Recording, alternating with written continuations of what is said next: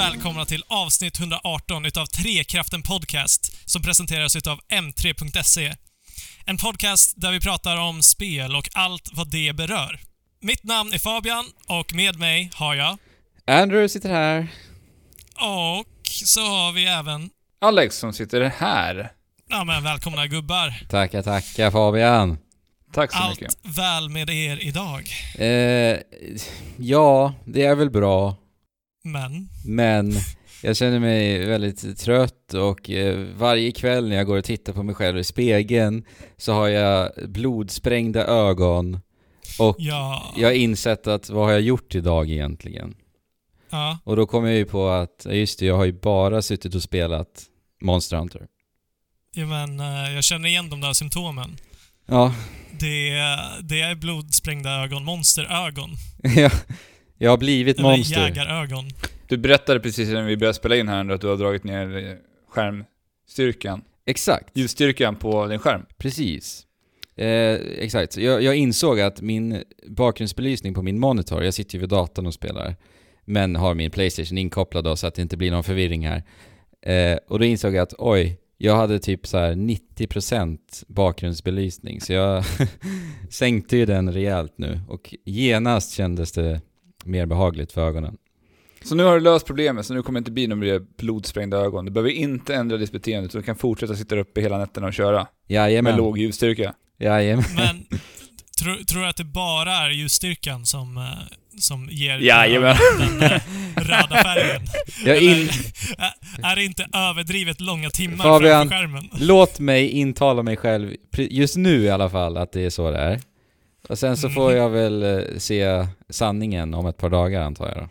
Ja, precis. Ja. Så att alltså, det betyder ju att du kan spela precis lika mycket Monster Hunter som du har Vi gjort återkommer till det här nästa vecka och ser hur det har gått. En vecka med Ja. lägre ljusstyrka på skärmen. Ja. Ja. Alex, ja. har, har du några monsterjägarögon eller? Eh, alltså nej, inte riktigt. Ni har ju suttit upp och spelat mycket sena kvällar. Jag har inte haft, jag, Ja. kan, jag, jag kan inte riktigt göra det just nu. Nej. Så att eh, jag sitter ju på dagtid istället. Mm. Och då, då blir man inte lika blodsprängd. Det blir inte lika jobbigt påverkade ögonen upplever jag när det liksom är ljust i rummet. Nej, precis. Nej. Så, Ja, ni, ni båda gillar ju att spela i helt nedsläckta rum också. Eller hur? Nej, inte jag faktiskt. nej, inte jag. Nej, det är det- bara... Nej. Inte du heller Alex. Nej. Det, är så, det är många gånger jag har varit hemma hos dig och du har spelat och så här bara, nej, det, vi ska inte ha tända ljus. När man Men spelar. då har du nog hört fel. För att jag Okej. gillar att ha tända, tända rum när jag spelar. Ja, jag vill också ha jättemycket ljus. Ja, jag med faktiskt. Ja, men eh, jag känner detsamma. Alltså, min hjärna är helt supersprängd. För att jag, ja, jag antar att det är för att jag har spelat hela nätterna nu i helgen och ja, stirrat in i en skärm alldeles för länge. Men så här, lite lätt huvudvärk någonstans som så här subtilt Mm. gömmer sig också. Så att, ja, jag mår väl inte helt hundra faktiskt. Nej, men det, det är liksom, det, det är det man får byta in för att få tillfredsställelsen ja. av att spela det där spelet. Jag har ju varit väldigt duktig på senaste tiden med att varva mitt jägande, mitt spelande och mitt pluggande just nu med att eh, gå långa promenader. Jag försöker göra så att jag ska ta de här 10 000 stegen varje dag. Ja. Och det är vilket jag har gjort. Vilket jag har gjort väldigt många dagar i rad nu. ja. Mm. Alltså jag Så det är måste, ju skönt. Jag måste ta tag i mitt övriga liv alltså. jag känner det lite. Jag, ni vet ju hur mycket jag tränade förra året. Jag har inte gjort det på flera Ja. månader nu. Nej. Jag känner att verkligen att jag behöver det nu.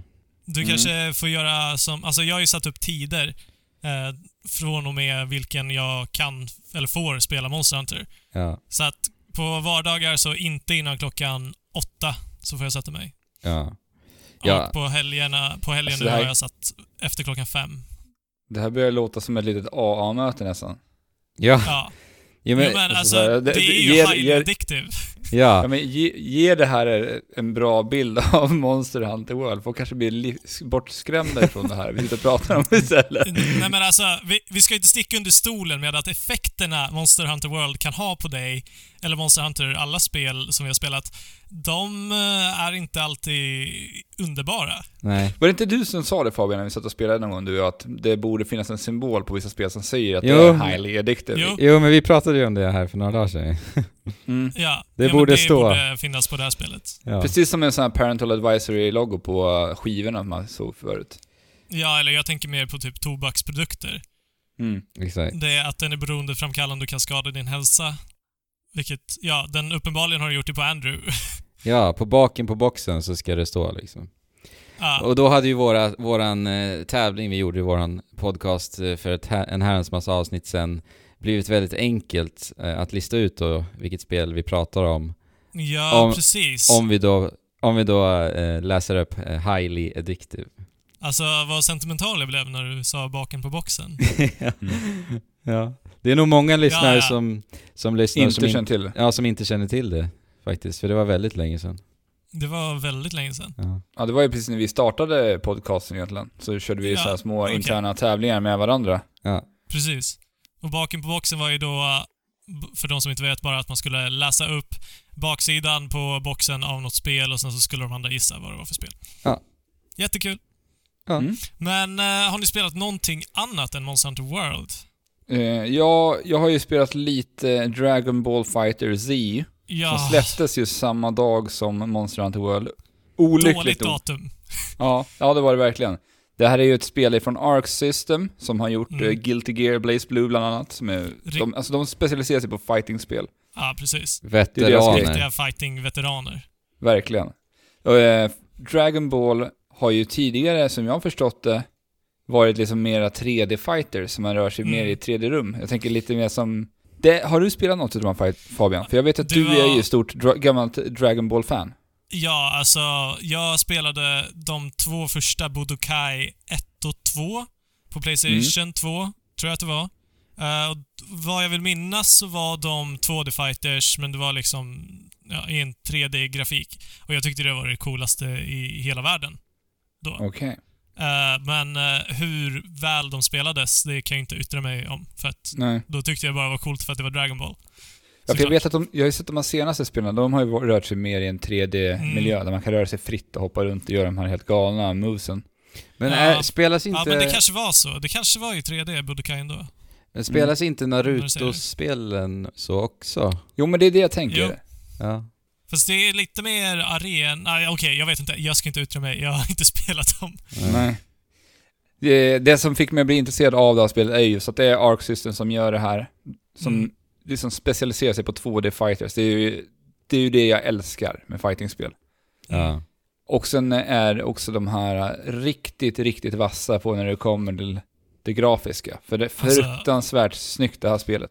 Ja. Dragon Ball har aldrig i något medium tidigare sett så här bra ut. Som det gör i Dragon Ball Fighter C. ja det ser, I rörelse specifikt så ser Ja. det ju, det ser löjligt bra ut alltså. Ja, men alltså, tittar man på det, alltså jag, jag har ju ingen som helst koppling till Dragon Ball överhuvudtaget. Nej. Men jag bara slogs när jag såg det här presenteras på E3. Och det, det ser ju verkligen ut som en tecknad, tecknad serie. Ja. Mm. Fruktansvärt snyggt. Och sen hur de jobbar med det här 3D-djupet när du gör så specialattacker. Kameran vinklas lite grann och du får mer ett djup in i bilden. Det är Mhm. så galet snyggt. Ja men också alla effekter. För ni vet, i, i eh, tecknade, alltså serietidningar helt enkelt, så är ju så explosioner och effekter väldigt överdrivna. Och Ja, i och för sig vet jag ju också att Dragon Ball också är det, när jag tänker nu. Men det ser vi verkligen också i Dragon Ball Fighters. Och sen så, eh, sen så, när jag testat det så har det ju spelats supertight. Det är Arc System, så att liksom, det är ju båda, det är ju det bästa från båda världarna. Jag tycker att det här, alltså Dragon Ball känns så himla perfekt just för den här studion att ta sig an också. Mhm. För eh, har, har, du, har du spelat något Guilty Gear eller Blaze Blue sen tidigare? Blaze Blue har jag spelat, Ja. inget Guilty Gear. För de, på, alltså, de är också lite så här, alltså att specialattackerna är rätt eh, over the top. Och Mm. Rätt mäktiga stora grejer som händer. Mycket explosioner, mycket partikeleffekter och sånt där. Ja. Och eh, det får vi se väldigt mycket av i eh, Dragon Ball Fighters. ja, men det är ju nästan lite det som, som definierar Dragon Ball. Mm. Ja, men det är det jag menade också. Ja, okej. Ja. Mm. Men det, det som är kul med det här spelet är att de försöker ju på något sätt introducera 2D fighters till en ny publik. Att jag, jag har hunnit spela ett par timmar bara, men jag, har, jag börjar som jag ofta brukar göra när jag hoppar in i fightingspel. Jag hoppar in i så här trials eller challenge-läger som det brukar heta. Ja, ja. Det vill säga det är hur du lär dig hur spelet funkar, olika kombos, hur funkar kombos i det här spelet. Ja. Det de här har gjort, som jag aldrig har sett i ett annat fightingspel förut, det är att de har enknappskombo. Så du kan bara sitta och trycka på så här light punch fem sex gånger, sen händer det jävligt coola grejer. Ja, okej. Alltså det är ingen rytm du Det- behöver trycka riktigt heller, utan... Eh, ja, du kan spamma den och den träffar in allting, men det, det har fortfarande en viss rytm när det kommer till svårare grejer sen. Okej. Mm. Okej, det låter ju lite som ett tvåeggat svärd, eller? Är, är bot- button mash-attackerna så lätta att Alltså- liksom vejda eller? Kontra. Eh, alltså jag har inte kommit riktigt så långt så jag kan avgöra om det, om de, jag vet inte ens om de går att avbryta om du väl börjar få in en sån. Lite osäker. Men Okej, i alla fall, det, kanske det jag är lite gillar. som Smash då, när man så här pepprar, ja, det är inte så starka attacker liksom. Men, Nej, jag tror inte att det är det. Mm. För att det, det handlar senare sen om att du ska kombinera de här, för du har tre olika slag. Du har light, medium och heavy. Och en special-knapp då. Ja, okej. Så att när, när vi sen börjar peppra på, säg att vi börjar peppra light, light-attacken då. Ja, ja. Då kan vi ju avbryta den attacken med en sån här klassisk eh, kvartscirkel framåt med eh, kanske en eh, medium punch, eller medium slag. Okej. Så man kan påbörja en sån här attack och sen avbryta den med en, eh, en, en special move då. Och special move är det som kallas när du gör en input innan och sen trycker på valfri attackknapp. Okej. Ja, ett, en hadoken-rörelse Ja, för Ja. att det, de kallas för special moves. Ja. Och eh, det här tycker jag funkar väldigt bra. Det blir väldigt lätt att ta sig till det här spelet. För att du, som vi sa tidigare, alltså man kan trycka på en knapp, göra ett jävligt häftigt move och det känns väldigt roligt när man bara plockar upp det vid första, första spelsessionen. Mhm. Precis som vi snackade förr när vi snackade Tecken 7 så är det så här, plocka upp det här och så kan du sitta och hamra på alla möjliga knappar och det sker jävligt häftiga saker på skärmen. Mhm. Mm. Så upplever jag samma sak händer när jag spelar Dragon Ball Fighter C. Mm. Men du har inte lyckats dy dyka ner och se om det är något djup bakom det? För det lär ju finnas. Ja. På det är Arc Systems. Alltså det finns det ju. Ja. Det är ju det, det, är det de har lyckats med. När jag, har liksom, jag har ju kollat lite matcher och så här, de som spelar det här på en professionell nivå. För det, har ju ändå, det verkar ju som att det här blir en stor e-sportsatsning. Ja, vad roligt. Kanske får se det på Så. Evo i sommar då. Ja, jag skulle förmoda att vi faktiskt får göra det. Alltså vi har ju alltid haft ett eh, Arc System-spel spelas på i alla fall. Och senast är väl det här Guilty Gear X-Ferd eh, med något, ja det har ett namn därefter. Ja. X-Ferd någonting. Mm. Men eh, har du spelat något i storyn? För att det var ju snack om att de, de skulle göra hela Dragon Ball-storyn i det här spelet typ. Jag har spelat bara första, första kapitlet typ. Jag vill bara veta hur den är utformad, alltså själva storyläget. Ja, alltså vi, vi, vi får ju som en film. Ja, Så det spelas ju upp som en, en, en, ett avsnitt utav Dragon Ball. ja. Alltså är det långa mellansekvenser då eller? Ja, precis. Ja. Men det som de gör så snyggt är att de liksom så här, de länkar de här samman, spelsessionerna, spelsekvenserna med cutscenesen så jäkla snyggt. Så att de bara Okej. smälter ihop i varandra. Som i Ja. Injustice, typ. Ja, typ. Ja. Och det går ju liksom i samma... Man, man ser verkligen att de har gjort det i samma motor, vilket är så jäkla snyggt. ja. Jo men det var ju det, jag kikade in det här spelet på Gamescom och då minns jag att Mm. de berättade om det här. Jag tyckte det lät skithäftigt. Hur det skulle bli utformat. Ja.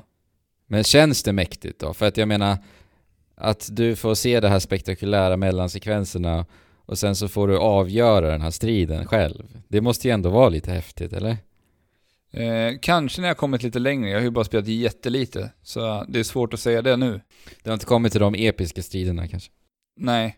Det som skiljer sig lite i storyn till skillnad från när man spelar vanliga matcher, det är att man i vanliga strider, så en versus-match, då har du, väljer du tre stycken utav de här olika, kar- tre stycken karaktärer som du spelar med. Så du kan skifta mellan de här och Ja, välja okej. och uh, Ja, okej. köra lite tag team med dina kamrater.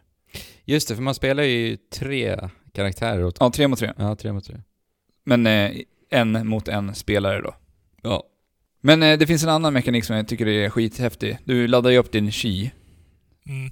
kan du ställa dig och ladda upp när som helst. Jag tror det är genom att trycka på uh, kryss och fyrkant. Ja, är det som ligger så var där? det i Budokai också. Okej. Jag vet inte, kanske inte samma knappkombination, men... Men du kunde chi. stå och ladda den. Liksom. Yes. De ställer sig i en härlig pose och sen så laddas det upp massa härlig energi. Ja. Det här eh, laddar ju upp det som är motsvarigheten till EX-mätaren i Street Fighter. Och den här mätaren är, eh, har jag, vad jag har förstått än så länge, väldigt viktig i Dragon Ball. Mhm. För att man kan göra, det här använder till specialattacker, eh, så här ultra moves. Men det finns också en, en, en move som jag gillar jättemycket och det är att du kan teleportera dig precis när du vill. Om du har den här mätaren som du kan förbruka. Ja, just. Och det. alla karaktärer kan göra det också. Ja, Mm. alltså det är ju, det är skitroligt alltså. Jag minns att jag missbrukade det här när vi spelade det eh, i Ja. vintras, eller i julas. Ja men det är så jäkla coolt. Alltså att skicka upp någon, alltså om du får in ett kombo, får upp någon i luften, så trycker du på den här teleporten. Då kommer du Mm. spånas på den andra sidan, bakom karaktären. Ja, bakom Okej. motståndaren, ja precis. Ja, precis. Så att om du reagerar tillräckligt fort så kan du liksom evada alla inkommande attacker, eller? Ja, du kan ju använda den som en evade också. Så så, så Ja. kan du faktiskt avbryta attacken som jag sa tidigare, det här i början. Så att Ah, du kan okej. ju liksom välja att teleporta när du vill, för det funkar som en evade också. Men vadå, även, även när du precis när du blivit slagen liksom? Ja, Det, alltså det den är funkar inga recovery frames eller något? Nej, utan den här bara skickar dig bort. Förflyttar Okej. du dig direkt egentligen. Ja, okej. Men eh, dräneras din eh, chi-mätare då, eller? När du använder? Ja, Ja. ja. precis. För den förbrukas ju när du använder en sån här teleport. Så att man får ju använda det här varsamt. Du kan inte bara sitta och spamma det här hur många gånger som helst. För då kommer du ju vara helt uttömd på din chi. Mm, Ja, då, då, då, kommer, då använder man ju den lite som V-reversal i Street Fighter 5 också ju. Ja, för den funkar väl också lite som, ett, eh, som en evade. Ja. För, på vissa karaktärer i alla fall. Ja, på alla. Det, det är den enda... Ja, Det, just det. det är typ Mm. den enda gemensamma attacken i det spelet. Mm. Men det är någonting så jävla häftigt att liksom kunna skicka upp någon. Säg att du står liksom intryckt i ett hörn och sen så får du, lyckas du ändå få in ett par attacker, får upp din motståndare i luften, teleporterar dig, börjar dunka på din motståndare fast från andra hållet så den flyger bara Ja, runt okej. banan som ett jävla flipperspel. Så det går att använda som en offensiv teknik också? Ja, det är ju det som är så jävla häftigt för jag och Andrew, vi spammade ju sönder det här och bara teleporterades och så Ja. runt när vi spelade här i Överallt. julas. Ja. Och då, alltså det, det vart ju roligt att bara sitta och leka med den mekaniken. Det vart ett jäkligt, det, ja, det var jäkligt skoj och det känns helt jävla galet det här spelet. Men det finns så jäkla mycket att lära, tror jag. Ett jävla djup ändå. Ja. Alltså, jag känner ju att backloggen eh, för 2018 redan byggs på. Mm. ja. Alltså jag vill ju verkligen att du ska spela det här Fabian. Jag vill Dels verkligen för att- spela där. Dels för att jag vill att du ska spela fightingspel. Och Mhm. för att det här är faktiskt en av dina stora barndomshjältar. Ja. Ja, men Son alltså, Goku. ja. Tycker du det är löjligt eller? Nej, jag tycker inte att det är han heter löjligt. Son Goku? Nej, jag lärde mig det innan vi började spela in. ja. Ja, okej. Och du, du, du försöker få det att låta som att du faktiskt vet vad han heter. Eller? Ja. Men du har Men- ingen aning egentligen förrän innan vi Nej, spelade. det har jag inte. Det var Alltså, Fabian som berättade. Det var Fabian som berättade. red, redan nu dras jag tillbaka till minnesstigen. Jag ser mig själv sitta på skolgården och läsa Dragon Ball manga med mina klasskompisar. Vill du veta vad min favoritkaraktär heter i Dragon Ball Fighters? Vad heter den? Kan du gissa någon i Dragon Ball som du tror är min karaktär? Bo, tror jag, är din favoritkaraktär. Nej, det är Vegeta. Det är Vegeta, varför då? Nej, han är rolig att spela. Ja, ja, han är ascool. Men eh, jag trodde att du skulle gilla den stora rosa gummibollen. Ja, men den... Är, är det han som ser ut som en stor bebis? Ja, det är Bo. Han är rolig. Ja, Han gör roliga ljud. ja.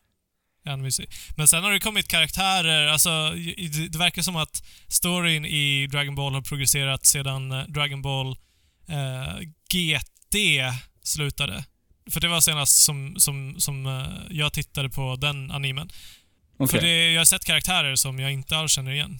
Jaha, okej. När man sitter och tittar i karaktärsbiblioteket i det här spelet så är det väldigt många karaktärer som har just exakt samma frisyr. Ja. Många ser väldigt lika ut. Ja, men eh, jag tror att det har att göra med de som är sa, sa, science. Vad, heter, vad säger man på svenska? Saiyajiner eller något. Science. Ja, det Ja. har jag sett. Vad innebär det att vara en Saiyan, Fabian? Kan vi nu Eh, lite Dragon Ball? Okej, yes. Son Goku, Ja. eller hela Dragon Ball börjar med Son Goku, att han är liten och han bor med sin morfar, eller hans morfar har dött, men han bor i djungeln. Eh, han är en liten grabb och han är snorstark. Men han har en svans och ingen vet varför han har en svans och varför han är otroligt stark. Men sen visar det sig att han är ju då en Saiyan. Mm. Okej. Och till slut så typ kommer Vegeta som är Saiyan-prinsen. Är alltså jag, min karaktär. Ja, precis.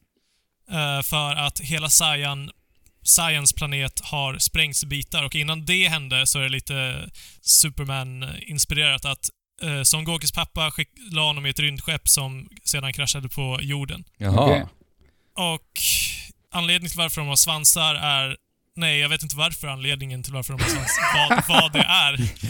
Men, men den, den gör i alla fall att när det är fullmåne så, så transformeras de till en enorm gorilla. Va? Men eh, de, har, eh, de har huggit av sina svansar för att det inte ska ske. Jaha. För att det var så som Gokus då morfar, som inte var hans morfar, men adoptivmorfar, dog. Och Oj. han hade ingen aning om det. Nej. Vadå, du menar att han dödade sin egna morfar? Yes, Nej. det är hemskt. Ja, det är hemskt. Ja, men tack för lite Dragon Ball Trivia. Mm. Då har jag lärt mig lite om eh, vad, vad en Saiyan är. Det är ju skönt. ja, Ja. har du några frågor? Eh, ja, det har jag. Varför alla eh, har samma frisyrer? Nej, men jag vet att... Jag, jag har för mig att de kan, deras hår, frisyrerna kan ställa sig rakt upp. Yes, Oj. det, kan, det kan de.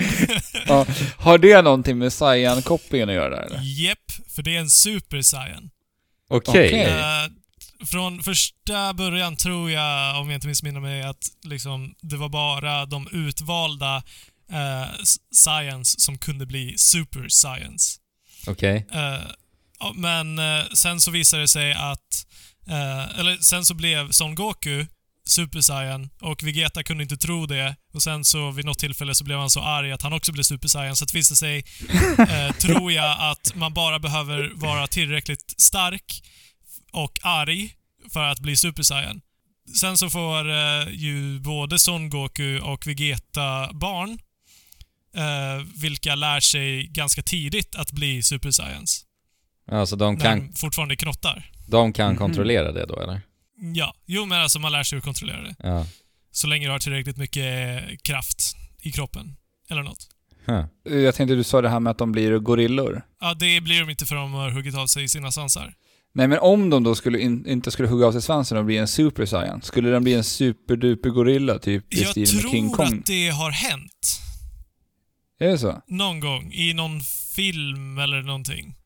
Eh, men då, jag gissar i alla fall att i så fall så blir, eh, blir, eh, blir en gorilla som är blond och vars Okej. hår står upp. Hmm. Sen så finns det ju ännu fler. Alltså du kan bli... Jag vet inte vad de kallar det nu, men det finns flera steg efter Super Saiyan. Nej. Att, ja, det är anime. Oj. Så det måste alltid finnas ett till steg och protagonisten måste alltid bli eh, överväldigad av, av antagonisten och sen så måste allting verka hopplöst. Men sen så transformeras de till någonting ännu starkare som ja, Ja. gör att de vinner ändå. Häftigt. Mäktigt alltså. jag vet inte. Men eh, Ja. vadå, så att eh, det är alltså Super Saiyan som gör att håret står upp? Okej. Och sen, Ja. sen, eh, sen så växer håret vid nästa, eh, vid nästa steg. Och efter det steget så tror jag att det blir rosa eller något. Jag vet inte. Ja, men det finns rosa håriga karaktärer i spelet jag sett. Ja. Mm, Det tror jag sett. nej, jag vet inte.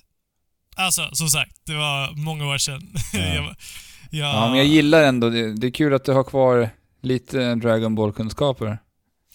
Ja, och därför måste jag också spela det här spelet. För att påminnas om eh, mitt Det magiska, barndomsuniversum.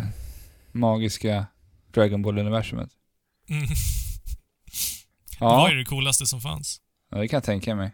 Men eh, ja, jag har inte spelat så jättemycket så vi kan ju bara rulla vidare. Har du spelat någonting Fabian den här veckan? Mer än Monster Hunter?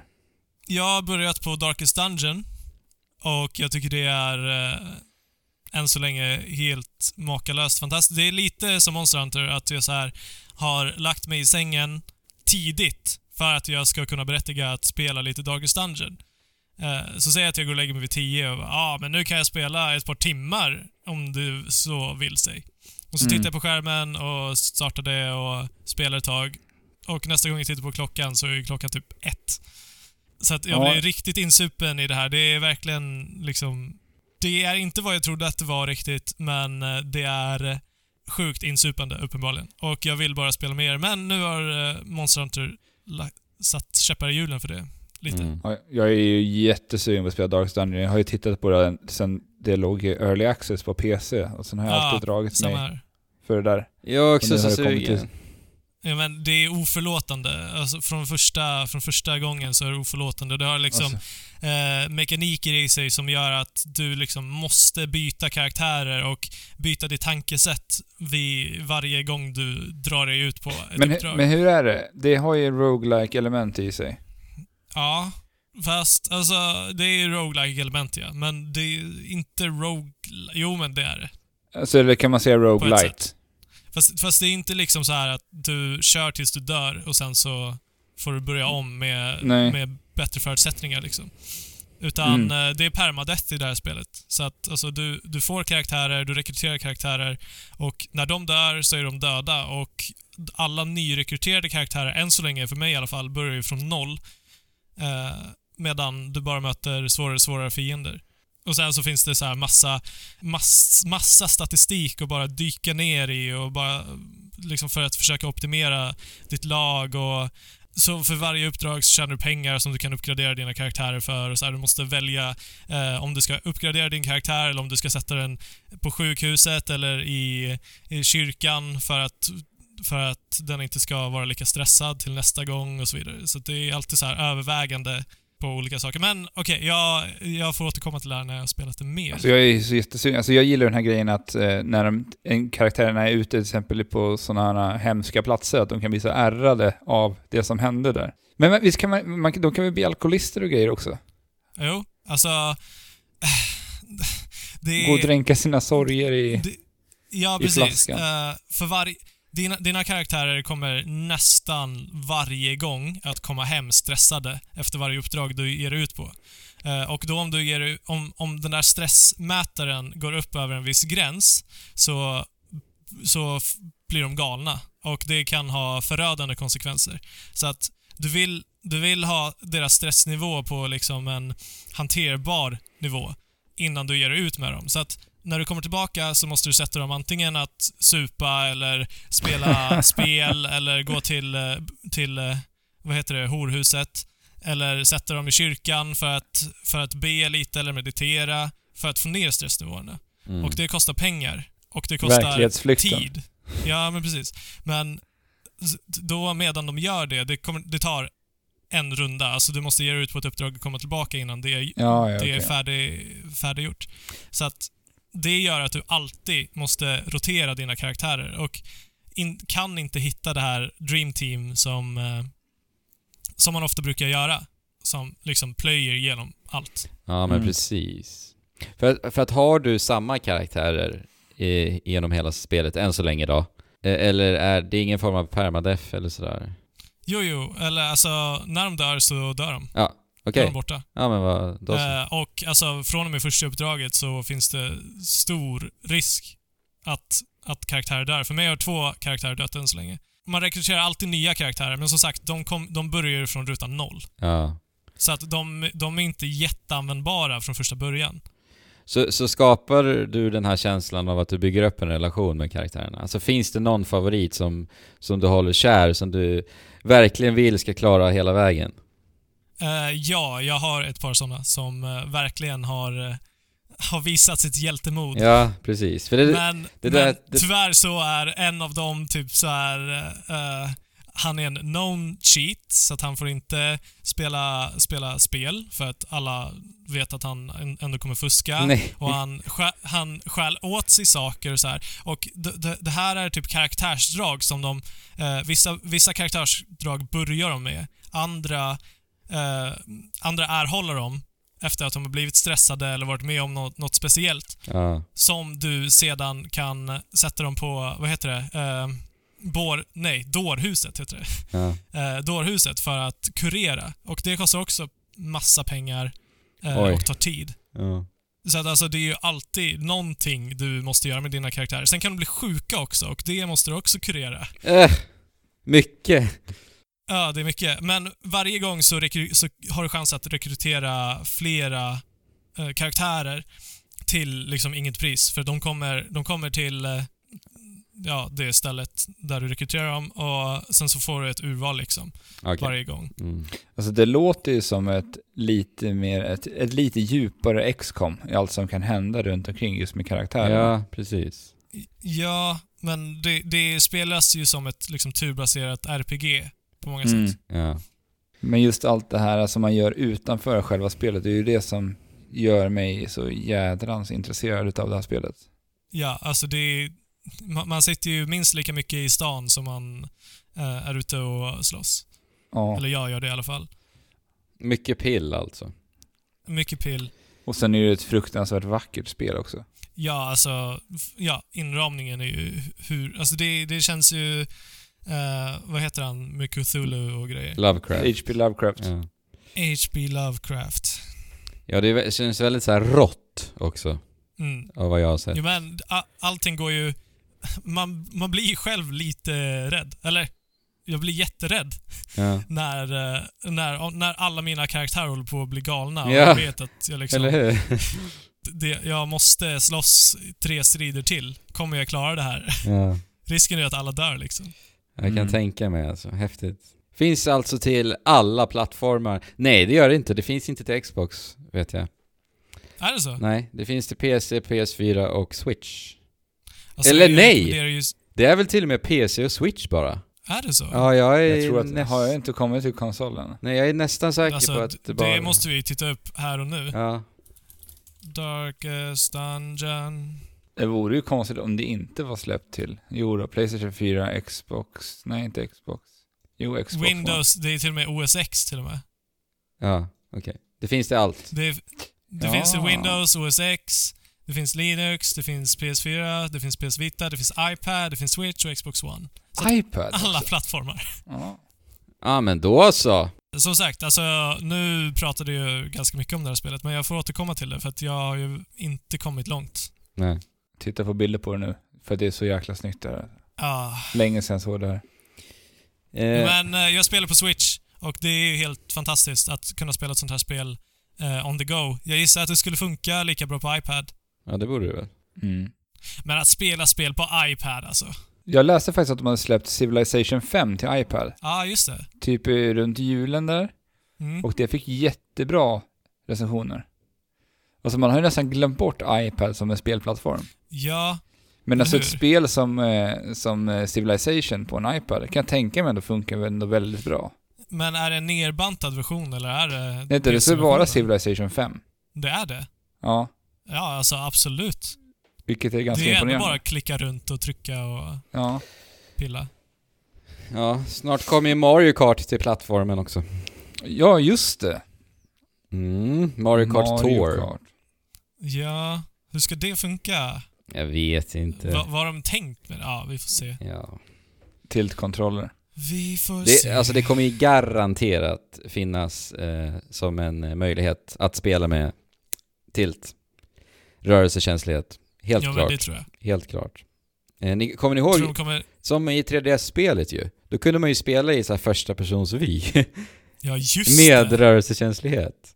Oh my god. Det, det har jag glömt Ja, jag har också glömt bort det. Jag kom på det nu. Det kommer ju vara så i Mario Kart Tour, garanterat. Tror ni de kommer släppa någon så här peripher, peripheral Jag har att funderat. sätta i din eh, iPad på? Jag har funderat på det. Eh, får se alltså. K- skulle kunna vara så att de gör det. Det beror helt och hållet på hur det spelas från första början. Ja, exakt. Ja, men... eh, har du spelat något, Andrew? Ja men det har jag faktiskt. Eh, innan, veckan innan Monster Hunter kom eh, så klarade jag faktiskt av Sunset Overdrive. Jaha. Men förra veckans avsnitt eh, blev ju liksom översvämmat utav Monster Hunter, så jag, jag hann inte prata om det. Nej, nej, jag förstår. Eh, jag spelade ju aldrig det här, uppenbarligen, när det begav sig, utan det var ju du Alex. Och eh, jag kände lite på det hemma hos dig och vi hade jättetrevligt tillsammans en helg där. Och, Mm. och det är ju ett spel som verkligen påminner mig om eh, Tony Hawk, hur de spelen var utformade. Mhm. Och det får den nerven att eh, vakna till liv lite. Den där nostalgiska Tony Hawk-nerven. va. Ja, Ja, okej. men verkligen. Och med det menar jag ju hur spelet eh, är uppbyggt kring att egentligen bara förmå med fullständigt kaos och ha ihjäl horder av energidrycks eh, muterade människor. Och det gör man då genom att man helt enkelt grindar omkring på rälsar och på elledningar och sen ska du bygga upp en så här stilmätare för att erhålla en herrans massa high score poäng och sen så ska du klara av uppdrag genom att eh, uppfylla en, en high score kvot. Så att det är väldigt Tony Hawk eh, i upplägget. Ah, okay. Och sen ovanpå det här känns, får, skapar det också känslan av att man vill göra saker väldigt coolt. Ja men precis. Så, som sagt, en stilmätare då va? Mm. Och, och spelet bekräftar det hela tiden också att gör saker coolt för då kommer det gå bättre för dig. Du får en bättre utdelning helt enkelt. Eh, Så att det, det tycker jag om. Och när du kommer in i det flowet eh, och du får de här, den här responsen ifrån spelet också, att du gör saker bra, du gör saker coolt, då tycker jag verkligen om det här. Och det känns Mm. jäkligt roligt att spela. Dessvärre så tycker jag att kontrollen kommer lite i vägen för det emellanåt. Och det är lite så här lite sladdrigt och klumpigt i spelkontrollen och det känns inte särskilt intuitivt heller faktiskt. Men eh, är man inne i flowet så att säga, eh, då tänker jag inte på de eh, tillkortakommanden. Sen har det så en ganska härlig, lättsam, självmedveten inramning. Spelet tar ju sig aldrig själv på särskilt stort allvar. Nej, men Nej. det visar mig ganska snabbt i själva character editorn också. Man kan ju göra helt jäkla urflippade karaktärer. Mm. Ja, det är galet. Du kan färga hår, alla typer, alla sorts hår, hur du vill, vilka färger du vill. Och, och det är lite kul också för att din karaktär syns ju hur du skapar den oavsett i mellansekvenserna också dessutom. Så hela temat i spelet är ju typ eh, skate, punk, underground, eh, något sorts eh, blandning där. Right. Tänk er, tänk er typ en blandning mellan Ratchet and Clank, Tony Hawk och Dead Rising. Då har Mm. ni Sunset Overdrive. Faktiskt. Men, Ja, typ. ok- Okej. Men är det, är det bra då? Eh, helt okej. Alltså, som sagt, när jag eh, kommer in i det här flowet jag pratar om, då, det är då Ja. spelet är kul, då har jag roligt. Men eh, sen är det ju det här, det är en öppen värld, det är så otroligt mycket att samla på. Väldigt oinspirerade utmaningar överallt så, överlag. Mm. Jag hade ändå trevligt, men ingenting som kommer liksom leva med mig så. Men du klarar ut det i alla fall? Jag klarade ut det, ja. Det här är ju ett spel som har några år på nacken, så att det här går ju att få tag på för väldigt liten summa pengar också nu. Ja, Ja, okej. jag, jag, tror, ja, jag köpte det för 50 kronor. Ja. Men det, det var ju ett sånt här spel som jag kände att jag var tvungen att spela. För att jag har ju varit väldigt sugen på det. Det är ju Insomniac Games som ligger bakom det också. Ja, precis. Och de har alltså gjort då Ratchet and Clank. Ratchet and Clank. Ja. Och jobbar nu på Spider-Man till Playstation 4. Mm. Ja. Alltså jag, jag saknar ju lite den här typen av spel. Vi hade en hel del den här typen av öppna värld, superhjälte, actionspel förut. Jag tänker framförallt på gamla Spider-Man-spelarna. Vi Mm. hade det här Hulk Ultimate Destruction som jag vet att jag gillade jättemycket som kom till PS2 och GameCube. ja, just det. Sen kom det de här, uh, sen hade vi en period där det släpptes. 83, ja Prototype och uh, Infamous. Infamous kom i samma veva. ja. Så att jag uppskattar verkligen när det kommer den här typen av spel. Mm. Och jag håller ju ändå Sunset Overdrive som ett av de, de bättre Xbox, Xbox One-exklusiva spelarna. Jo. Ja, För det, det finns ju inte jättemycket Nej. sådär att hämta på den exklusiva fronten på, på Xbox. Nej. Och det är ett väldigt unikt spel idag, i dagens spelklimat, så känns det ju väldigt unikt. Bara inramningen. Men det gör ju det. Ja. ja, nice. Eh, men också så här, jag, när jag spelar spelet så tänker jag ju också Fasiken vad trevligt det här spelet hade varit att spela tillsammans med dig Alex specifikt. För att Mm. det är ju den, det är, som jag sa, det är de, de nostalgiska känslorna det här spelet ger mig. Så jag hade nog hellre velat uppleva det tillsammans med dig, så som vi gjorde det när vi provade spelet, när spelet lanserades. Än att Ja. sitta själv och bara plöja. För att då blir Ja, men- det ju det här enformiga också. Ja men tänk, tänk dig själv på när du spelade Crackdown 1 till Xbox. Ja. På det sättet, om man hade kunnat spela det tillsammans också. Ja, ja men jag skulle helst vilja spela med dig i soffan. Och för jag minns ju hur vi spelade Tony Hawk. Vi, vi nötte ju och vi turades om. Det var din tur den här gången, sen spelade jag. Och sen så peppade vi varandra. Kom igen, gör så där istället och, och så. Och jag tror att Sunset Overdrive hade funkat sjukt bra som ett sånt spel också. Mm. Ja, jag, jag skulle gärna vilja se en uppföljare på Sunset Overdrive. Jo, absolut. Där de, absolut. de skulle kunna göra lite mer utav det. För att det är ändå väldigt mycket upprepningar i hela spelet. Det enda är väl att man får nya förmågor, nya vapen. Ja, som kryddar till det hela. Ja. Ja. Och det är ju när man har låst upp alla vapen som spelet är som roligast ändå. Verkligen. Vill jag minnas i alla fall. Ja men det håller jag med om. Alltså, när jag var i sluttampen så var ju spelet som allra roligast. Och det är just för att du har ju mycket mer valmöjlighet och du, du är my- mycket mer mobil och alltihopa. Så att, Och sen är det ju Insomniac och de är ju kända för att ha helt knasiga vapen i sina spel. ja. Titta på, Ja, ja. titta på hur det ser ut i Ratchet Clank. ja. Men det var det. Sunset Overdrive.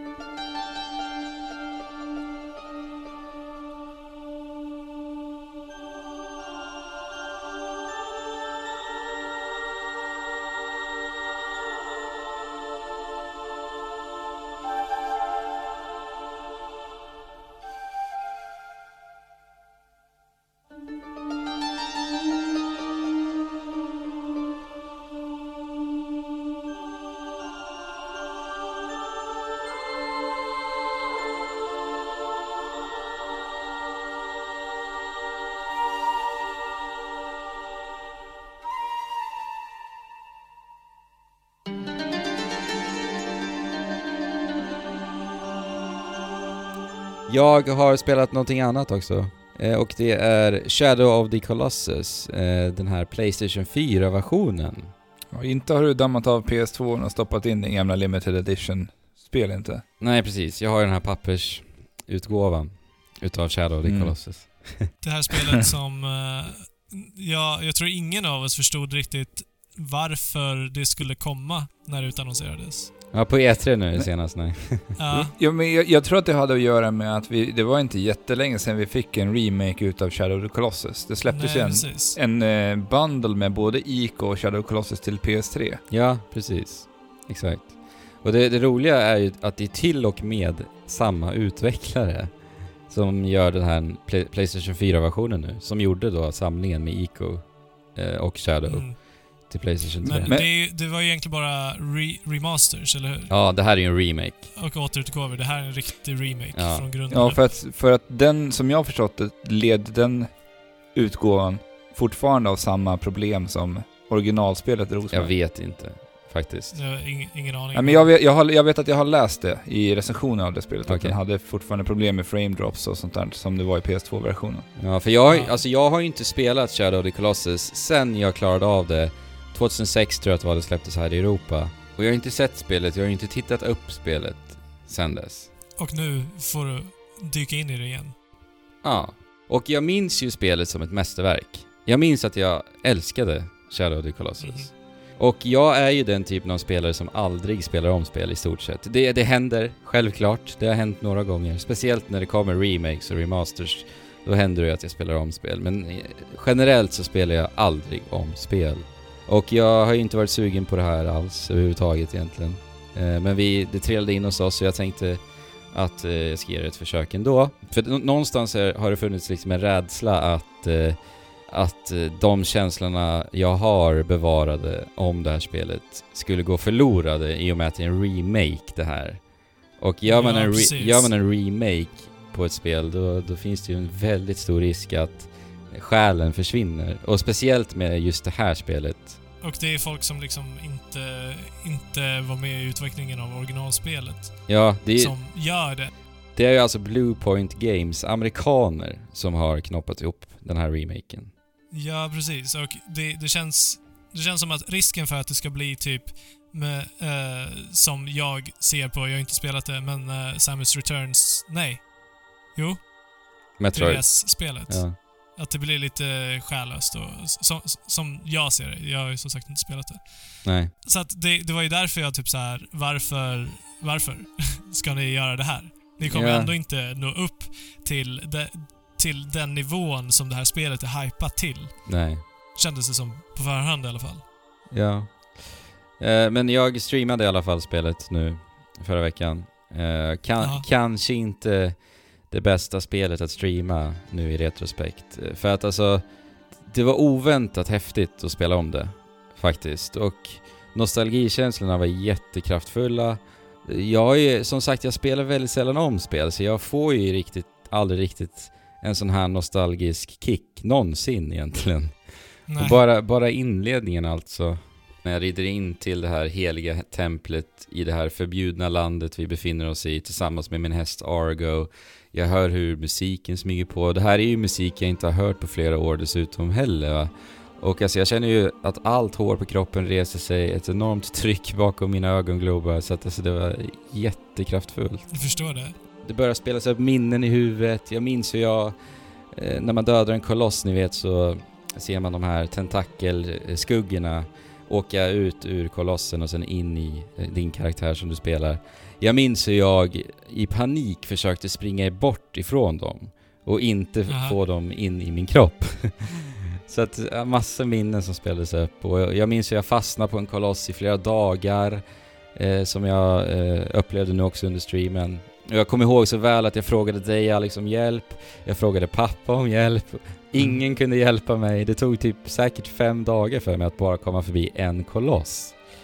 Eh, och det var jättehäftigt att, att återuppleva det eh, i det här spelet och jag klarade det relativt snabbt nu under streamen. Men det som, det som var så häftigt med båda Team Icos spel som de släppte vid den här tiden, det var ändå, de var, gjorde ju ändå någonting väldigt nytt. Ja, Mm. Berättade ändå saker, alltså gameplay-mekanik är väldigt så här, subtilt, skippar egentligen textbeskrivande ja på och, vad man ska mellan, och mellansekvenser. Så att eh, för, för sin tid var ju det väl, alltså de var ju pionjärer på den biten egentligen. Ja. Ja, verkligen. Oh ja. ja men det är ju, alltså, det är ett spel som pratar spelens språk. Och med det menar jag liksom att historien berättas inte genom mellansekvenser, utan det är Nej. genom design och dina handlingar som du gör som spelare. Och vi, Ja, vi förstår vad det är spelet vill säga. Men ingenting blir liksom upptryckt i ansiktet på dig. Så att Nej. Spelet ger oss tillräckligt mycket information för att vi ska bli insupna och sen så fyller vi resten med våran fantasi. Och det här går ju som du säger Alex, det går att applicera på alla Fumito Ueda-spel. The Last Guardian, eh, Ico och Shadow of the Colossus. Så det är de, det som gör de här spelen så unika också tycker jag. Och så bra. Och det skapar liksom en, en så här förundran på något vis. En nyfikenhet som är så härlig alltså. Ja, precis. Det blir inte den här semi-interaktiva filmen, utan de utnyttjar ju det interaktiva mediet så gott de kan. Ja, Jag, jag tycker ju att, när jag, när jag tänker tillbaka på när du spelade det här, så alltså det var ju någonting helt unikt. Man har aldrig sett något liknande. Mm. Och det, Shadow Colossus känns så himla konstnärligt som ett spel. ja, skoja Ja. inte alltså. Och jag, jag tycker ändå så här, det är ändå så här en milstolpe för spel som konst. Ja, oh Shadow ja. Colossus och Ico. Ja, Oh ja. För att alltså, om man tittar på AAA-spelfronten, alltså så här stora spel, att de ens vågade göra det här typen av spel Ja, i det spelklimatet där egentligen allt bara handlade om gameplay vid den tiden. ja, Mm. verkligen alltså. Och det är ju den tiden när vi såg GTA Vice City. Alltså stora, Ja. det var ju den tiden när öppna världsspel började komma på kartan. Och det skulle vara så mycket material och uppdrag att göra, sidouppdrag att göra. Och Shadow of the Mm. Colossus kommer med en öppen värld. Men öppna världen i Shadow of the Colossus har ett endaste syfte liksom. Och det är inte att vi ska kastas på en herrans massa material, utan det är för att skapa en känsla liksom. Mm. Alltså så häftigt spel. Särskilt för sin tid också. Och jag håller med dig liksom att det verkligen känns konstnärligt för att jag tycker också att liksom alla komponenter i spelet, alltså det estetiska, designen, musiken, mekaniken, allting känns så otroligt sammanflätat. Och det är bara... Och bara den, den lilla detaljen att de pratar deras hittepåspråk Ja. som de har i alla deras, eh, alla deras spel. Exakt. Tycker jag är en så här enormt viktig liten detalj till. Ja, Ja, jag håller Till det. All, allting lever i symbios och bara skapar ett jävla konstnärligt mästerverk alltså. Ja. Det är ju din slutsats du drar även Eh, nu, har jag, nu har jag bara tjatat om Shadows of the Colossus som spel. Eh, men grejen är att när jag spelar, spelar det här spelet, remaken nu, så slås jag också verkligen av att ingen annan spelutvecklare har gjort någonting liknande än idag. Och då tänker jag främst på eh, bossstriderna. För för det som inte vet så är ju premissen att eh, protagonisten Wonder rider tillsammans med sin häst Agro in till detta strikt förbjudna land bärandes på en eh, till synes död kvinna. Och han har hört om ett väsen som gömmer sig här som har förmågan att återuppliva försvunna själar. Och det här väsendet då, Dormin uppfyller den här önskan när vi då har tagit ner dessa 16 kolosser som vandrar. Men det gör vi ju inte till vilket pris som helst utan det kan ha förödande konsekvenser. Och det jag slås av är bossstriderna. Alltså, det är så himla mäktigt. Och det, spelet skapar en sån otrolig spänning, särskilt med musiken också, som så episkt och dynamiskt liksom lever tillsammans med striderna i Mm. olika etapper. Jag tycker det är så jäkla häftigt alltså. Och det är också en sak som Uedas spel alltid har gjort så bra och det är ju hur de arbetar med ljud och musik. Det har ju alltid varit en väldigt stor del i berättandet också av en historia eh, i hans spel. Och det, det är så praktexempel på vilket kraftfullt ver- verktyg bara det också är. Mm. Ja, men det är ju ingen lätt sak. Nej, det är inte det alltså. Det var ju ingen lätt sak som att bara återskapa någonting sånt här heller på grund av det vi sa förut. Nej, precis. Har de lyckats? Bra fråga. Alltså, Det är ju frågan. Jo, precis. Som sagt så hade inte jag eh, spelat, varken spelat eller egentligen tittat på Shadow of the Colossus, eh, alltså originalspelet, förrän efter jag var klar med remaken nu. Okej. Men eh, atmosfären och stämningen känns intakt. Ja. Och det känns, alltså spelet känns så som jag mindes det. Och det är väl typ det Ja. bästa en remake kan göra, eller? Ja, Ja. verkligen. Alltså, jag har inte heller tittat någonting på det här spelet förrän jag tittade på din stream typ. Ja. Och alltså, bara där genom streamskärmen slogs jag av hur otroligt vackert de har lyckats återskapa den här världen. Och alltså det, det är snyggt på, på ett sätt som jag inte ser i andra spel heller. Mm. När det kommer till ljus och typ texturarbete. Ja. Ja, det, alltså det är Ja. ett av de snyggare Playstation 4-spelen. Utan tvekan. Faktiskt. Du har ju latchat runt i photomode också Ja. en hel del Andrew. Och Fotoläge. eh, skickat en, och skickat en hel del bilder till oss i våran eh, gruppchatt. Ja, vad tyckte ni om bilderna? De var jättefina. Otroligt vackra. Mm. Det, de gör sig väldigt bra som stillbilder, alltså de här Ja. världarna. Ja, Alltså, verkligen.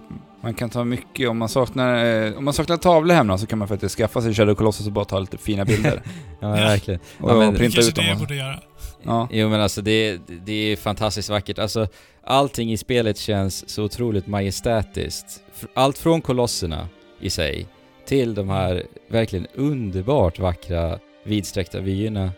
Och skalan och känslan av landskap, det är det bästa jag har upplevt i ett spel. Ja. Det är det bästa. Vi, vi pratade förra året om Breath of the Wild, att de gör det väldigt bra. Och vi har pratat om Mm. Xenoblade Chronicles X. Shadow of the Colossus gör det bäst. Det, det är ja, liksom... det verkar så. jag tappar typ andan när jag rider med, med aggro precis vid, in till en klippkant och eh, bara ser de här massiva bergsluttningarna. Alltså det är så himla snyggt. Men eh, hur är det med, med kontrollen? Ja, För att den- har ju alltid varit lite, lite sliskig. Mm. Eller seg.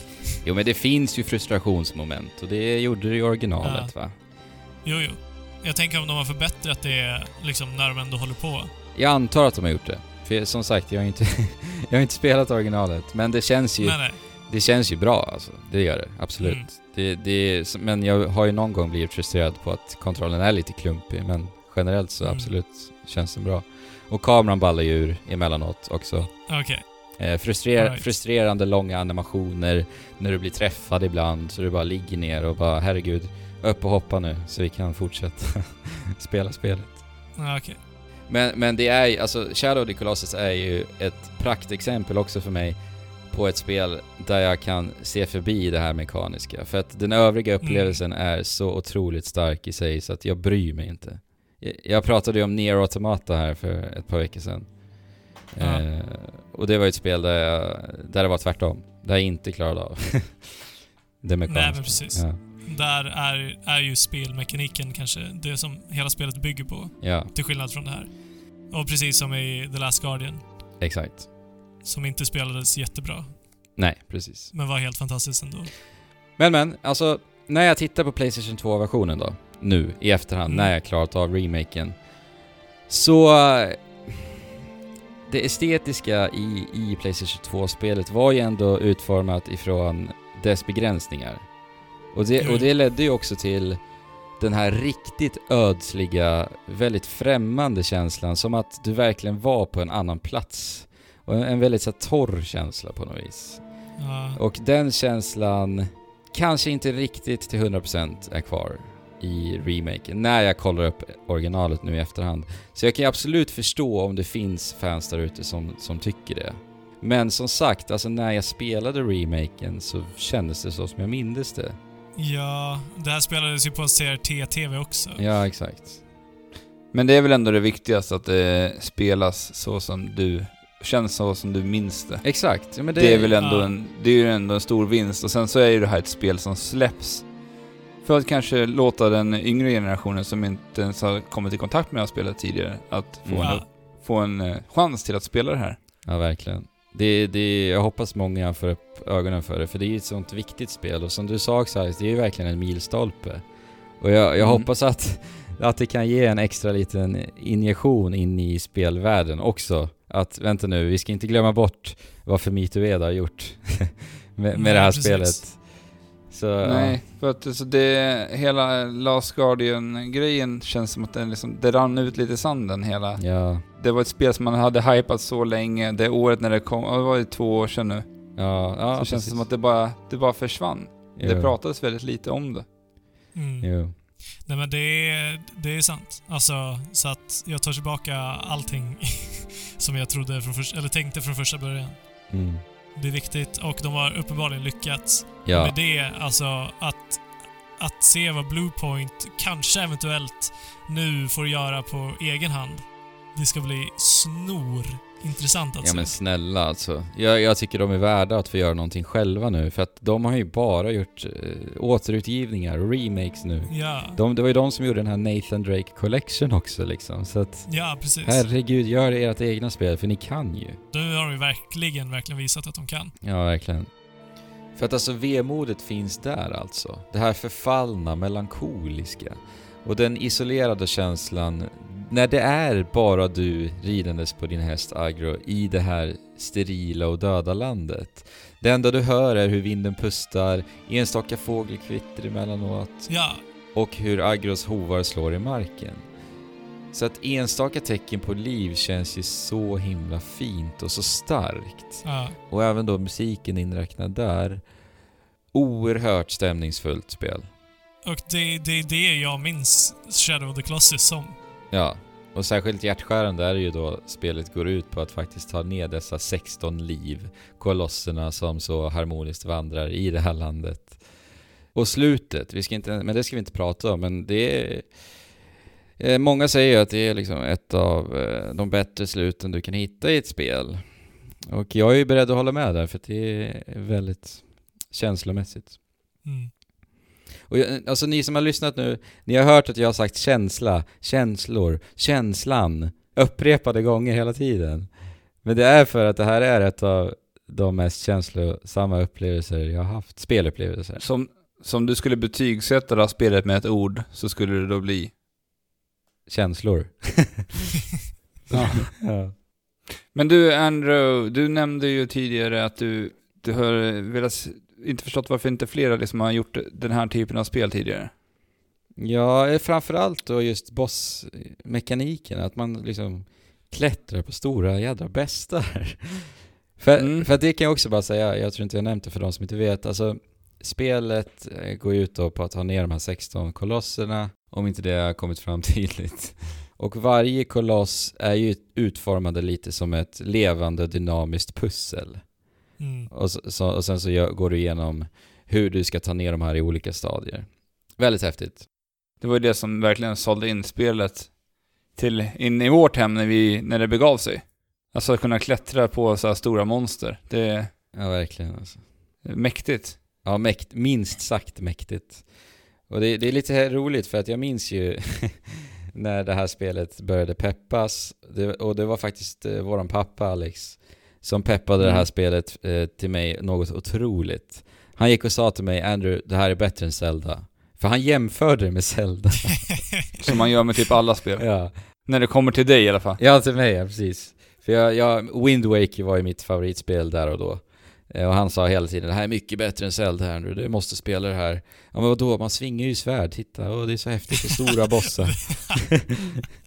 det, var, Eh, det är som ett Zelda. Ja, och jag vart ju eh, lyrisk, jag vart ju så peppad. Aha. Sen visade det sig när vi fick det på släppdagen, pappa avskydde spelet. Han tyckte det var värdelöst. Ja. Han älskade Ico dock. Ja, han älskade Ico. Och det var, han hade ju så stora förväntningar på det här också. Men han tyckte det var helt värdelöst. Så att jag fick ju spelet för mig själv och plöjde igenom det och tyckte det var fantastiskt. Jaha, så- så det är han som köpte pappkartongen? Ja, precis. Och jag minns det, ja, nu i huvudet så spelas det upp när jag sitter i bilen på väg hem med den här pappkartongen i, i min famn. Och pappa och jag peppar tillsammans på vägen hem. Sen tyckte han det var Ja. skit. Men det var, ju, det var ju trevligt för mig, då fick jag spela ut det. Mm. Det kommer ju faktiskt ett spel som bygger lite på den här uh, klättra på stora bästar. Det, det är sagt att det ska komma 2018, men jag vet inte. Det har varit på tapeten under ett par år nu. Ja, Och, det är det här spelet som eh, heter Pray for the Gods. ja just ja, det. just det. Som inte fick heta Pray for the Gods för att eh, det var ju att... Eh, Prey. ja, Ja, så det heter... Det stavas P-R-A-E-Y. Pray. Okej, de har ändrat det så bara. Mm. Så löste de det. Ja, Det här tycker jag ser, det här ser ju jättespännande ut av spelet. Det är lite indiespel av en studio som heter No Matter Studios. Ja. Ja, Det ser riktigt intressant ut. Det ser otroligt ambitiöst ut för att vara indiespel också. Mm. Alltså det verkar vara deras första spel också. Ja. Vilket eh, ska bli väldigt roligt att se vad de lyckas åstadkomma. Mm. De har ju visat några bossstrider på den här. På senaste, Bland annat för att jag har inte sett det på eh, liksom f- ett halvår säkert. Ja, senast jag såg var nog en stor jätte som eh, funkar lite, som man ska klättra på, som det är i Shadow Colossus också, Mhm. och ta sig upp på. Sen har jag sett en fågelstrid också. Mm. Mm. Ja, det verkar väldigt intressant. Jag trodde att du skulle, skulle ta upp det här spelet, jag vet inte vad det heter, typ Ogre. Jag vet, det, det är i alla fall stora typ orcher som kommer att Ja, Extinction. det? Extinction är det så heter. Ja, Ja, ja. Jag tycker det ser ja jättekast det var det där ut. som, ja, var det där som du länkade till mig? ja. Alltså designen är så märklig i det spelet tycker jag. Ja. Alla troll ser likadana ut, verkar det som. Ja. De har bara lite olika rustningar och olika färger. Och så ska man... Men det ser ju ut som ett Attack on Titan-spel. Ja, Ja. det gör det. Fast inte lika snyggt. Nej. Nej. Ja, men eh, så här då. Kolossalt stor eloge till Bluepoint Games för hur de behandlade Shadow of the Colossus på Playstation 4. För ett kolossalt bra spel. Ja. Mm. Eh, och Ja, har, du de har du aldrig tidigare spelat Shadow of the Colossus eh, får jag väl ändå säga att det är Playstation 4-versionen då. Som du borde spela. Ja. Annars skulle man ju få lika ont i ögonen som du har fått utav att spela Monster Hunter så länge. Ja. Av att spela PS2-versionen. ja. För det gör nog ganska ont att titta på det under en lång, lång session när man är van vid liksom Högupplöst. bra, högupplöst och ändå hyfsade bildrutor. Ja, inte 12 Ja. bilder i sekunden. Nej, Nej. som det var på originalspelet. Jag tror inte det var det på det spelet, men det kunde nog gå ner så lågt i alla fall. Ja, Det kunde det, för det hade ju väldiga problem med framerate. Mm. ja, det hade det verkligen. Och låt mig inte börja prata om musiken ens. Nu, nu ska vi gå vidare. Musiken, soundtracket är ju bara ett av det bäst, bättre som finns i spelvärlden tycker jag. För att skapa en eh, större ljudbild så har de ju lagt på instrument nu till remaken. okej. Så att det är samma originalspår i bakgrunden. Eh, sen har de, bara för att få en större ljudbild så har de lagt på. Och Och det känns naturligt. Inte Ja, ja, det är, progressivt. det är samma kompositör som har gjort det också. Så. Ja, ja, då så. Ja. Kov Otani. Han är en legend för mig för att det där soundtracket är mästerligt. Coolt. Har vi något mer att snacka om idag? Nej. jag tror faktiskt inte vi har så mycket mer att snacka om. Nej. Nyhetsfronten har ju inte varit superintressant den här veckan heller så att, Inget, Nej, inte hänt jättemycket. nej. inget jag har kunnat se i alla fall. nej. Om det är någonting du som lyssnare tycker att vi borde ha tagit upp så får du skicka ett argt mail eller mail eller något. Vi, har all, vi har inte fått ett argt mail ännu, även fast vi har sagt det ett par gånger. Nej, så att du, du kanske kan vara den första som skickar ett argt mail till oss. Ja, för att vi inte pratar om nyheter som du vill höra att vi pratar Ja. om. Men nu har vi ändå babblat i dryga timmen. Ja, precis. Och jag har dödat så mycket. Jag har dödat monster i Monster Hunter, jag har dödat kolosser, jag har dödat stora eh, fiender helt enkelt. Väldigt mycket. Och du har även dödat monster i eh, Sunset Overdrive också. Ja, det också. För det finns stora, stora Ja. energidrycksmonstren. Det var ju Mm. visserligen två veckor sedan, men om man ska vara helt Ja. korrekt. så jag är lite så här. Det kanske är därför jag har fått mina röda ögon också. Ja, du, du kanske... Det är lite så här fable att när du är ond så, bör, så får du till slut o, horn och Ja, röd i skinnet och grejer. Jag börjar bli ett monster. Ja. Känner du dig så? Eh, Känner du dig hemsk? Jag måste eh, suga på den till nästa vecka tror jag. Men vill ni höra oss prata om mer Monster Hunter så lyssna gärna på Monsterpepp, alltså våran lilla Monster Hunter poddserie. Vi släpper ett nytt avsnitt nu på fredag och ni får även chansen nu fortfarande att vinna ett exemplar utav Monster Hunter World om ni är snabba och lyssnar på det tredje avsnittet, alltså då Monsterpepp med Gickelsen. Okej, så vart kan vi nå oss då, Andrew? Man kan nå oss på trekraften.net och eh, ni ser var vi befinner oss på alla sociala medier och liknande där. Sen finns vi nu på m3.se. Anslut er jättegärna till vår Discord-kanal. Vi spelar ju Monster Hunter dagarna i ända så att eh, vill ni haka på ut och jaga, ja men då är det Discorden som gäller va. Och ni Jajamän. hittar länk i beskrivningen till Discorden. Säga ska att det inte bara spelas Monster Hunter just nu, för det kan man ju lätt tro. Ja. Men vi spelar ju såklart andra spel också. Ja, så bli inte, Så att, Ja. eh, bli inte avskräckta att det är en Monster Hunter Discord.